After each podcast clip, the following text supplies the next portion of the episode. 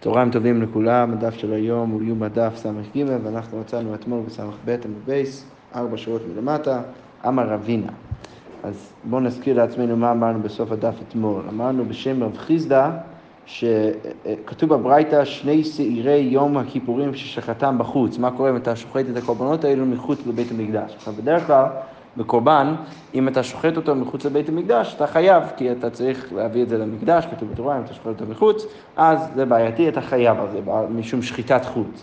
עכשיו, זה רלוונטי גם רק לגבי קורבן שעכשיו מוכנה להיות באמת קורבן בתוך בית המקדש, אבל אם זה מחוסר מעשה, נגיד אה, השעירים, לפני שעשית את ההגרלה, לא ברור למה אתה אמור להיות חייב. כי לפני שעשית עגלה, אז עוד לא הגדרת את הקורבנות כקורבנות שעכשיו מיועד, מיועדים להיות אה, קורבנות באזהרה, עוד לא הגדרת את השעיר, איזה מהם השעיר להשם, איזה מהם הוא השעיר לעזאזל, ולכן לא ברור למה אתה אמור להיות חייב. אבל בכל זאת כתוב בברייתא שאם, דווקא אם עשית את ה... את, אם שחטת את הקורבנות האלה לפני העגלה, אז דווקא במקרה כזה אתה חייב על שניהם. אז אז הגמרא שאלה למה אתה חייב, ולזה היא הביאה את התירוץ של רב חיסדא, שרב חיסדא בעצם אמר הואיל וראוי לשעיר הנעשה בחוץ, בגלל שהשעירים האלו, במיוחד לפני ההגרלה, הם ראויים לא רק להיות השעיר להשם, השעיר לעזאזל, אלא גם כן להיות השעיר אה, של מוסף של יום כיפור.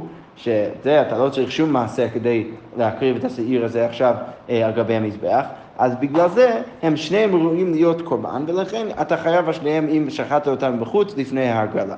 סבבה, אז כל זה מעולה. עכשיו, על זה, אבל מעיד על איזושהי שיטה שיש לרב חיסדא. מה זה מעיד? זה מעיד שרב חיסדא חושב שהגרלה זה נחשב כמחוסר מעשה, ובגלל שזה מחוסר מעשה, אילולא הסיבה שהם ראויים לקורבן מוסף, לא הייתי אומר שאתה חייב עליהם אם אתה שוחט אותם. רק בגלל שהם מיועדים, הם, הם, הם ראויים גם כן להיות קורבן מוסף, אז בגלל זה אתה חייב. אבל בגלל שיש, אה, אה, הם, הם מחוסר מעשה לגבי העבודה העיקרית שלהם, אז היית אומר שאתה בעצם פטור אם אתה שוחט אותם מחוץ לבית המקדש. אז הגמרא, ולכן הגמרא אומרת ככה, אמר אבינה, השתא דאמר רב חיסדא מחוסר הגלה כמחוסר מייסא דמי. עכשיו שאני רואה שהוא חושב שמחוסר הגלה זה נחשב כמחוסר מעשה, אז הודה אמר רב יהודה, אמר שמואל זצר אמר רב יהודה בשם שמואל, שלמים ששחטן קודם שנפתחו דלתות ההיכל. פסולין, שנאמר ושחטו פתח או מועד בזמן שהוא פתוח ולא בזמן שהוא נעול. אז כתוב, אה, שמואל בא ואומר שאם אתה שוחט קורבן שלמים לפני שפותחים את הדלתות של ההיכל, אז אתה, אז הקורבן פסול. למה הקורבן פסול? בגלל שכתוב בתורה, ושחטו פתח או המועד, זה צריך להיות דווקא בזמן שהדלתות פתוחות. עכשיו, עכשיו, אז רב חיסדא אומר, ברגע שאני רואה ששמואל מגדיר את פתיחת הדלתות, או אי פתיחת הדלתות כמחוסר מעשה, אז לכן הוא אומר ככה, בעמוד א', שחטן בחוץ קודם שנפתחו דלתות ההיכל פטור, מה הייתה עם המחוסר פתיחה כמחוסר מעשה דמי? אם אתה אומר שההגרלה או מחוסר הגרלה זה נחשב מחוסר מעשה, ולכן בגדול היינו צריכים להגיד שאם אתה שוחט את השעירים מחוץ למקדש לפני שעשית את ההגרלה אתה פטור. סוגריים, אילולא הסיבה שהם באמת ראויים לקורבן מוסף, אבל בלי זה היית אומר שאתה פטור, אז לכן אתה אומר, הסימן שאתה אומר שכל דבר שהוא מחוץ למעשה זה גם פוטר אותך אם אתה, אם אתה שוחט את הקורבן בחוץ. אז כמו כן בוא נגיד אותו דבר לגבי הדין של שמואל. אנחנו רואים ששמואל אומר שאם אתה שוחט שלמים לפני שפתחו את, את, את פתח ההיכל, אז הקורבן פסול, אז זה אומר שפתיחת הדלתות זה מעשה משמעותי כדי להגדיר את, ה, את הסיטואציה כסיטואציה שאני עכשיו יכולה בתוכה לשחוט קורבן. עכשיו, בגלל זה אני אגיד שאם שחטתי קורבן בחוץ בכלל, מחוץ למקדש, לפני שפתחתי את הדלתות, אז גם שם אני אגיד שזה מחוסר מעשה, ולכן אני פטור ולא חייב לשחיטת חוץ. כי בעצם אין, אני לא בסיטואציה נכונה שעכשיו מיועדת לשחיטת הקורבן, ולכן אני אומר שברגע ששחטתי את זה בחוץ והדלתות עדיין סגורות, אז אני אגיד שזה מחוסר מעשה ואני פטור.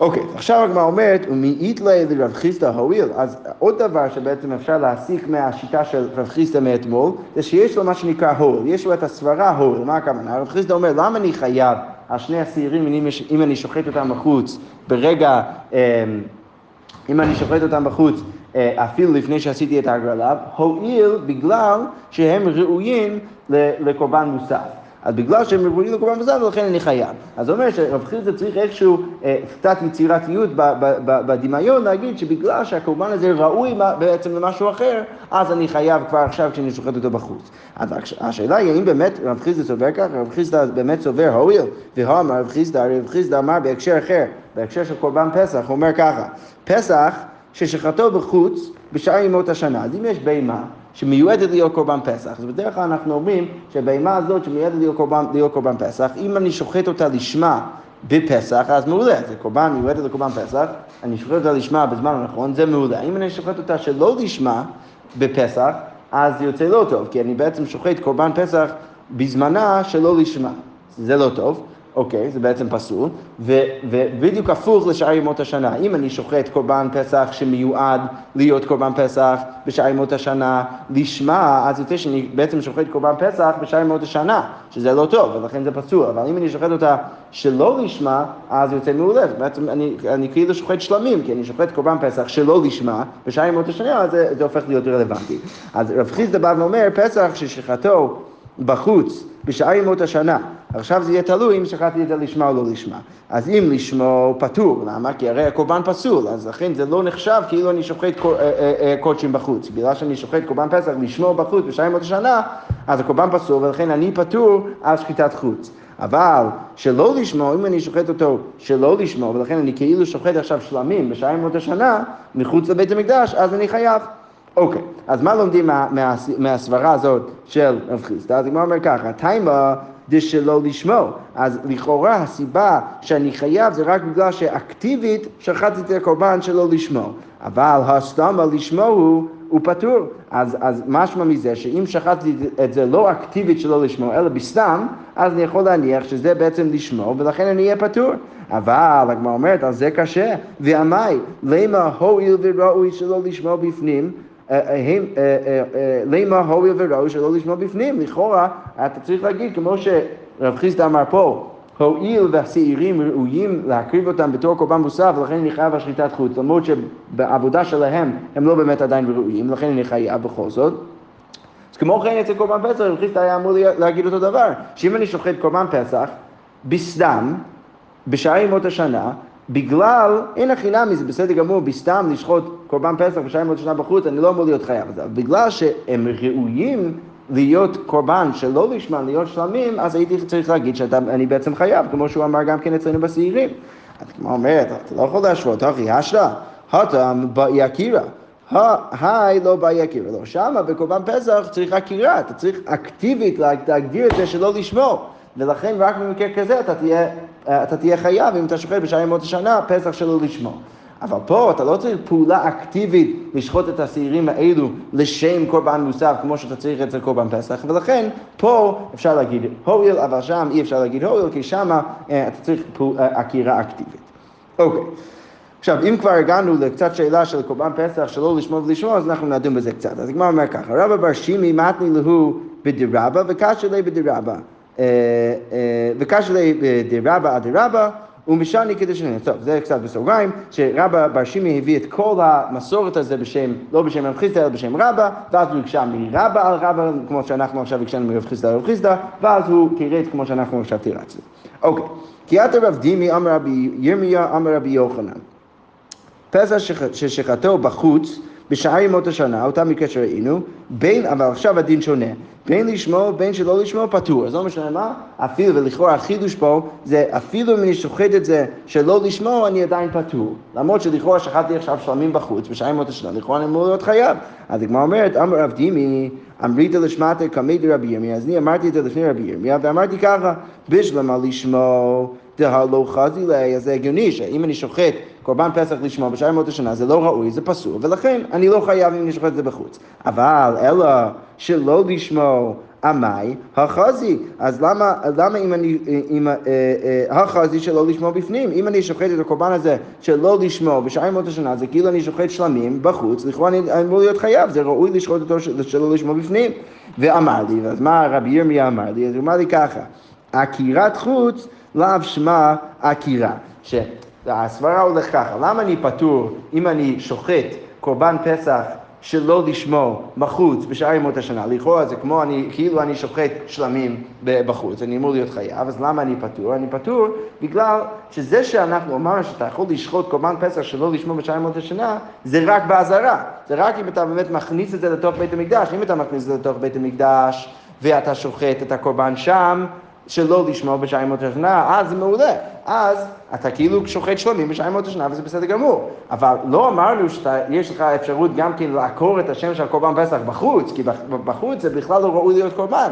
ולכן להגיד שאתה יכול עכשיו לעקור את השם של הקורבן בחוץ, מחוץ לבית המקדש, זה אנחנו לא נגיד. ולכן ברגע שאנחנו לא אומרים שאתה יכול לעקור את השם, אז יוצא שזה מחזיר אותנו להגדרה הסתמאית של הקורבן, שזה בעצם קורבן פסח, ויוצא שאתה בעצם שוחט קורבן פסח לשמור מחוץ לעזרה בשעה ימות השנה, שזה בסדר גמור. כי הקורבן הזה פסול ולכן אתה לא חייב. עכשיו, אז זה הסברה, למה אתה, אמ, אה, למה אתה פטור. אוקיי, עכשיו אנחנו נראה את המסורת ההפוכה. זה כבר אומר ככה, כי אתה רבין, עכשיו זה לא רב דימי, זה רבין, כי אתה רבין, אמר רבי ירמי, אמר רבי יוחנן, פסח שכתוב בחוץ בשעה ימות השנה, בין לשמור בין שלא לשמור, חייב. עכשיו בדיוק הפוך. עכשיו מה המקרה יותר מחודש? לכאורה המקרה יותר מחודש, אתה שוחט קורבן פסח לשמור בשעה ימות השנה, כי לכאורה זה לא קורבן ראוי, למה אתה חייב? אז הגמרא אומרת, ואפילו לשמור, אז אפילו במקרה שאתה שוחט את זה לשמור, אה, אתה חייב. אה, בעצם צריך לקרוא את זה ביטמיה. ואפילו לשמור, מה, אתה, אתה רוצה להגיד שאפילו לשמור אתה חייב, והתנן, הרי כתוב מחוץ לזמן, בין בגופו בין בביילים, אז אם אתה שוחט קורבן שמחוץ לזמן, אז או שזה קורבן עצמו שהוא לא בזמן הנכון, או שיש משהו שלא נכון אצל הביילים, ועכשיו אנחנו נשאל בסוגריים, ואיזה הוא מחוץ לזמן בביילים, מה הכוונה?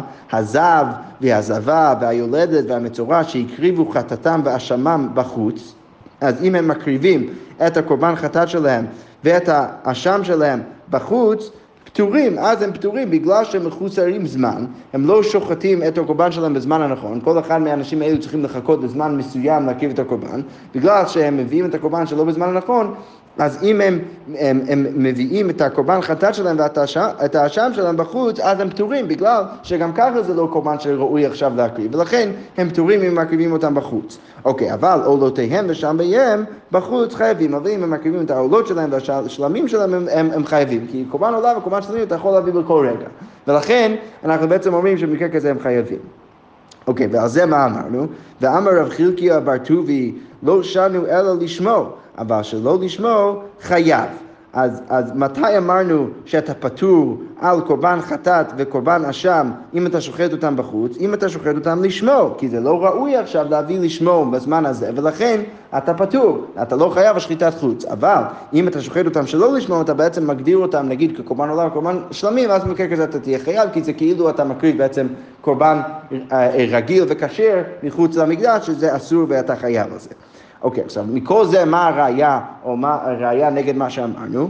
מי, אה, אה, לשמור מי הפטור, אבל בכל זאת אנחנו אומרים בביתה שאם אתה שוחט קורבן, לשמור שלא בזמן הנכון, אז ברור שאתה פטור, כי אתה לא שוחט קורבן שהוא קשה, ולכן איך אתה יכול להיות אה, אה, אה, חייב על, על שחיטת חוץ. אז זה מקשה על המסורת שהבאנו עכשיו בשם רבי יוחנן, שרבי יוחנן בעצם אמר לפי המסורת הזאת, שאפילו אם אתה שוחט קורבן פסח, בשעה ימות השנה, לשמור מחוץ למקדש, יוצא שאתה חייב, שזה מאוד מוזר, כי אם אתה שוחט קורבן פסח לשמור בשעה ימות השנה, זה לא קורבן ראוי, ולכן אתה לא אמור להיות חייב. אז הגמרא אומרת, אמ, אה, כן, אז כאילו, סבבה, לא, לא סיימת את הקושייה. אז הגמרא אומרת, אה, לשמור מי הפטור. עמי, למה אתה פטור? נעמה הואיל וראויין שלא לשמור בפנים. אז לכאורה היית צריך להגיד, בדיוק כמו שאמרנו עכשיו אצל רבי יוחנן, שבגלל שראוי להקריב את הקורבן הזה בפנים, שלא לשמור בקורבן פסח בשעה השנה, אז לכן אפילו אם אתה שוחט אותה מחוץ למקדש לשם קורבן פסח, אתה חייב. אז, אבל למה שלא נגיד את זה גם פה? לכאורה פה זה אותו דבר, אנחנו אמרנו שלשמוע את הפתוח, למה שלא נגיד שבגלל שאתה יכול לשחוט את זה שלא לשמוע בפנים, אז גם עכשיו שאתה שוחט את זה לשמוע בחוץ, אתה אמור להיות חייב. אז הגמרא אומרת, אחי אשתמה, אתה יכול להשוות, הותם באי אקירא, הוכה פסח בשעה מאות השנה, שלום ממנו. אז שמה אתה צריך עקירה ממש, ולכן אם אתה שוחט את הקורבן חטאת, לשמור בחוץ, אתה פטור, כי אתה לא אומר הו, אתה לא אומר ש... אתה יכול לשחוט את זה בתור שלמים בפנים, ולכן גם עכשיו כשאתה שוחט את זה בתור חטאת לשמוע אתה, אתה חייב, זה אנחנו לא אומרים, כי אתה צריך עקירה כדי לעקור את הקורבן מהשם חטאת לשם אחר. אבל לגבי פסח, אנחנו אומרים שפסח בשער ימות השנה נחשב כשלמים, ולכן בגלל שהוא שנחשב כשלמים, אז, אה, אה, אה, אז אתה צריך אקטיבית לעקור אותו, להיות, להקריב את זה לשמו, ולכן ברגע שאתה מקריב את זה לשמו, זה לא דורש הרבה לדמיין את זה שזה בעצם יהפוך להיות שלא לשמו, כי, כי הברירת מחדל זה לא לשמו בשעה ימות השנה, ולכן אפילו אם אתה שוחט את זה לשמו, אתה בעצם אה, אה, חייב. עכשיו זה, רק נשים לב, זה הפוך ממה שאמרנו למעלה. למעלה אמרנו שבסתמה תמיד הקורבן פסח מיועד להיות לשמו. ולכן, אם אתה, ואתה צריך דווקא עקירה לעקור את זה שלא לשמו, ופה אנחנו אומרים הפוך, אנחנו אומרים בשעה ימות השנה זה מיועד להיות שלמים, ולכן אתה צריך פעולה אקטיבית לעקור את זה להיות אה, לשמו, ולכן אם אתה כן שוחט את זה לשמו, אנחנו מאוד בקלות יכולים לדמיין את זה שאתה שוחט את זה שלא לשמו, ולכן אתה בעצם חייב. אז זה בעצם הפוך ממה שאמרנו, לכן הגמר אומר ככה, רבשי מתני חייב כדם רינן, ורבי ירמיה מדיפני מתני פטור, אז עוד שתי מסורות שאמרנו אם אתה חייב אה, בין, בין לשמו בין שלא לשמו, או אם אתה פטור בין, בין לשמו בין שלא לשמו. והגמרא אומרת, אמ, רבי ירמיה ודיפני מתני פטור, כסבר פסח בשעה ימות השנה, באי עקירה, ועקירת חוץ לאו שמע עקירה. ופליגה דרב חילקיה בר טובי. אז אם אתה אומר ש... בין לשמו, בין שלא לשמו אתה פטור, אתה בעצם אומר שבשעה ימות השנה אתה צריך עקירה. מה הכוונה? למה אתה תהיה פטור? כי אם אתה שוחט קורבן פסח, סבבה, אם אתה שוחט קורבן פסח לשמור בחוץ, מעולה, אתה עכשיו פטור. וכדי להגדיר עכשיו את הקורבן הזה... רגע, בואו נשלח את השיעור ואז נסיים. סבבה, סליחה, היינו באמצע, אה, באמצע להסביר מה צריך להיות הסברה שלך להגיד שאתה פעמיים פטור. אז אם אתה שוחט את הקורבן פסח לשמור בחוץ בשעה ימות השנה, אתה פטור, כי אז אתה שוחט קורבן פסול בשעה ימות השנה, פטור על שחיטת חוץ. אה, אם אתה שוחט את זה שלא לשמור לכאורה, אתה צריך להיות חייב. מה אתה צריך להגיד כדי להגיד שאתה פטור? אתה צריך להגיד שתי דברים. אתה צריך להגיד גם כן שכדי להגדיר קורבן פסח לא לשמור, אפילו בשעה ימות השנה, אתה צריך עקירה אקטיבית, לעקור את זה משמו של הקורבן, קורבן פסח, להיות שלמים. זה א' צריך להגיד, וב' צריך להגיד שעקירה בחוץ לאו שמי עקירה, שאם אתה עושה את העקירה בחוץ, אז זה לא, זה לא, זה לא נחשב עקירה. סבבה, אם אתה מביא את הקורבן ממש בתוך העזרה ואתה שוחט אותה עד שלא ישמע זה בסדר גמור, זה יכול להיות כשר כמו שלמים. אבל ברגע שאתה שוחט את זה בשעה ימות השנה בחוץ, אז אפילו אם אתה עוקר את זה משמו של קורבן פסח להיות שלמים, זה לא נחשב עקירה, ולכן זה לא נחשב כאילו אתה שוחט שלמים בחוץ, ולכן אתה לא חייב. עכשיו, שוב, זה הפוך מהסברה שאמרנו עכשיו, כי הסברה שאמרנו עכשיו זה בעצם שקורבן פסח, הברירת מחדל בשעה ימות השנה זה שלמים, ולכן אתה לא צריך עקירה. אה, ולכן זה מסביר למה הם יגידו שאתה חייב פעמיים, אבל פה הם יגידו שאתה פטור פעמיים, ולכן הגמרא אומר שבעצם הסברות האלו מתנגדות אחת לשנייה. אה, אה, ומי שאמר, רבי ירמיה שאמר שאתה פטור פעמיים, אז הוא מתנגד לסברה של רב חילקי בר טובי. סבבה. אוקיי, אמר מה? אמרנו שמי שהגריל עליהם חייב על שם, על שם הוא פטור של עזאזל. אז אמרנו אתמול בברייתא שאם כבר עשית את ההגרלה ואז שחטת את שני השעירים מחוץ למקדש, אז אתה חייב רק על אחד מהם, אתה חייב רק על שעיר להשם ולא על השעיר לעזאזל, למה? כי רק השעיר להשם זה, זה קורבן שאתה אמור לשחוט בתוך האזהרה, שעיר לעזאזל, אתה לא שוחט כמו, כמו אה, בתוך, בתוך הבית המקדש, כפי, כפי שנראה בהמשך, אתה לא שוחט את זה, אתה שולח את זה למדבר. אז, אז, אז אם אתה שוחט את הקורבן הזה מחוץ למקדש, אז זה לא נחשב כשחיטת חוץ, ולכן על זה אתה לא חייב, אתה חייב רק על, על השעיר להשם. יפה. אז עכשיו הגמרא מביאה הביתה שיסביר את הדבר הזה. אז הגמרא אומר ככה, נתנו רבנן, איש איש מבית ישראל אשר ישחט שור או כסף או עז במחנה, או אשר ישחט מחוץ למחנה, והפתח או המועד לא הביאו להקריב קורבן להשם. אז זה בעצם הפסוק שמדבר על שחיטת חוץ, שאם אתה שוחט מצו מחוץ למחנה, מחוץ למקדש, ואתה לא מביא את זה לפתח או המועד לקדוש ברוך הוא, אז אתה בעצם חייב על שחיטת חוץ. אוקיי, מה זה מלמד אותנו? אז הגמרא אומרת, אי קורבן שומע אני אפילו קודשי בדק הבית שנקראו קורבן. כעניין שנאמר ונקריב את קורבן השם. אז ברגע שכתוב להקריב קורבן להשם, אז מזה אני אולי חושב, זה לא כזה כרגע קשור לענייננו, אבל כרגע אני חושב שאפילו בהמה שיש לה, אין לה קדושת הגוף, יש לה רק קדושת דמים, שהיא מיועדת עכשיו לבדק הבית. מה זה אומר? שאני עכשיו מקדיש בהמה לא להיות קורבן, אני מקדיש בהמה אה, אה, שהיא תהיה של, של הקדש, והם ימכרו את הבהמה וישתמש בכסף כדי לעשות כל מיני דברים במקדש.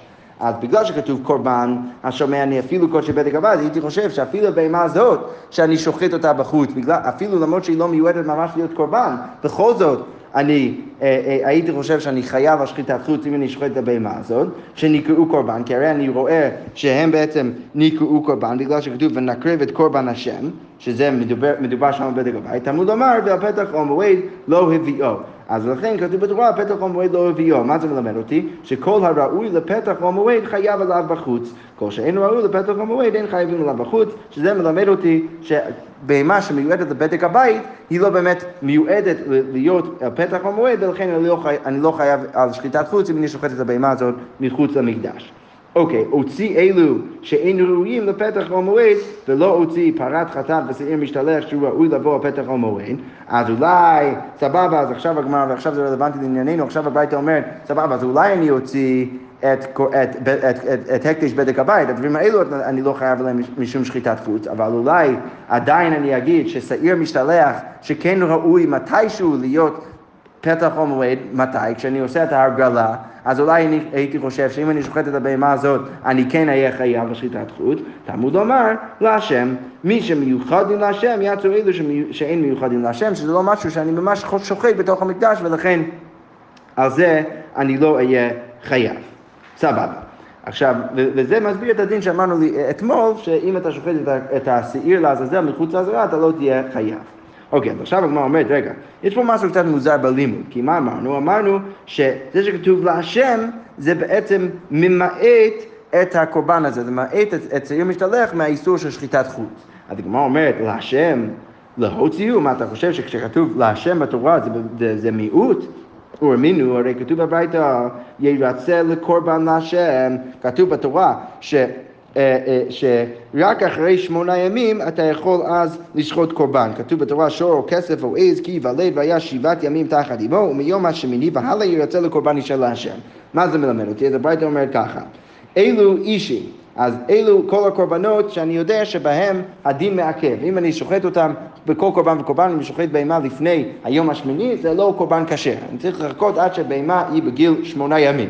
אוקיי, מניין שלא יקדישנו מחוץ לזמן, מאיפה אני יודע שאפילו הדין הזה שייך בשעיר משתלח, שאפילו השעיר משתלח אני צריך לחכות עד שהיא, שהוא בן שמונה ימים, תלמוד לומר, קורבן להשם, כתוב שם קורבן להשם, לרבות שעיר משתלח.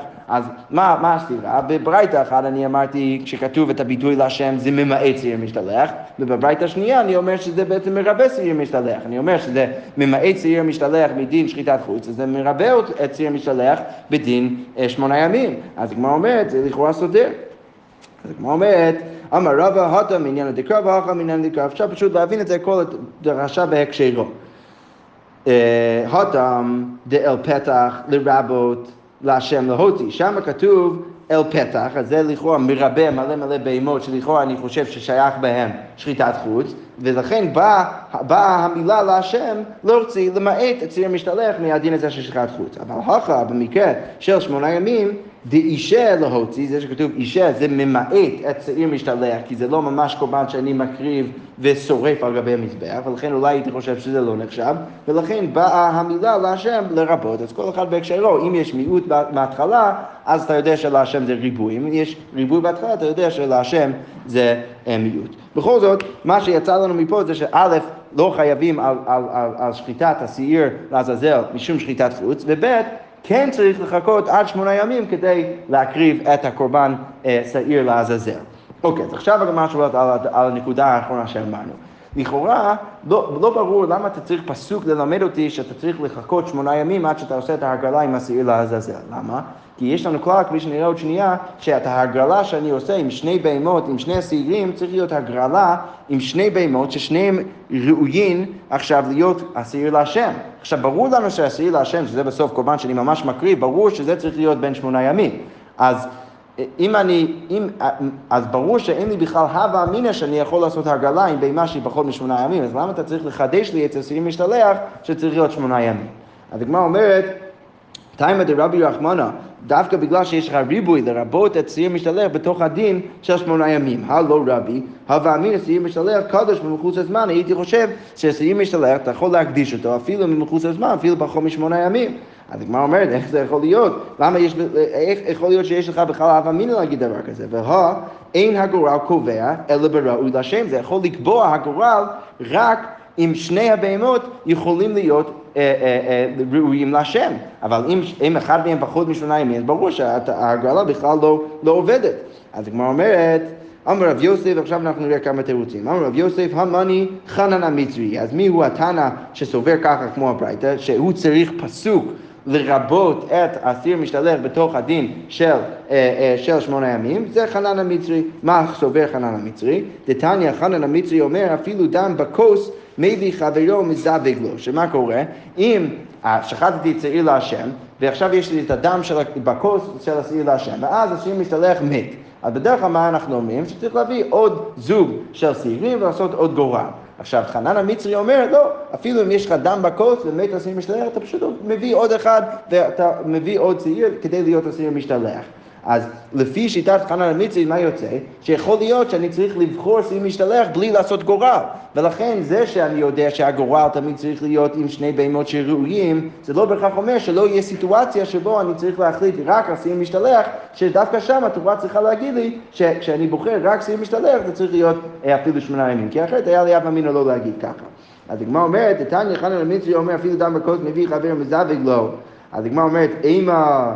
טוב, אז, אז, אז לכן כרגע אנחנו מעמידים את המקרה כחנן המצרי. אז הגמרא אומרת, אימא דשמעת לי לחנן המצרי דלית לי דחויי, דלית לי הגרלה, משמעת לי. סבבה, אולי אתה אומר שחנן המצרי חושב שאתה לא דוחה את הדם שיש לך בכוס, אתה יכול פשוט להביא עוד ציר משתלח, אבל מי אמר שהוא לא אומר שאתה לא צריך לעשות עוד הרגלה? אולי חנן המצרי מה הוא אומר? תשאיר את הדם שיש לך בכוס, תעשה עוד הגרלה בין שני שעירים, את השעיר לעזאזל מעולה, תביא אותה להיות עכשיו בתוך בית המקדש עם כל עבודות של יום כיפור, והשעיר שעלה עליו הגורל להשם, תוציא אותה לשדה עד שנופל במום, אתה יכול למכור אותה ולהביא את הכסף לקורבן נדבה. אבל, אבל אם אתה אומר ככה, אז גם לחנן המצרי לא- יוצא שאין סיטואציה שאתה לא עושה גורל, אה, ברגע שאתה בוחר שעיר משתלח, אז גם אצלו לא ברור למה הפסוק צריך לחדש לי שיש דין שמונה ימים. אז הגמרא אומרת, אמ, אימר דשמעת לי לחנן המצרי דלילי דחויין דלילי הגרלה משמעת לי דילמה, מה הייתי ומגריל? אולי הוא אומר שצריך להביא עוד שני סלירים לעשות עוד הרגלה. אלא הגמרא אומרת, אמר רבי יוסף, המאני רבי שמעוני, אז מי הוא התנא שצריך פסוק לחדש לי ששעיר משתלח צריך להיות יותר משמונה ימים? זה רבי שמעון דתניא, שרבי שמעון אומר, מת אחד מהן, מביא חברו שלו בהגרלה. אם מת השעיר משתלח, אתה פשוט מביא עוד שעיר משתלח בלי לעשות הגרלה, במפורש דיבר רבי שמעון, וזה מלמד אותי שיכול להיות שיש סיטואציה שאני בוחר שעיר משתלח אפילו בלי לעשות הגרלה. ולכן אני צריך את התורה לחדש לי שזה צריך להיות אחרי שמונה ימים. טוב, אנחנו נסיים את שאר התירוצים מחר.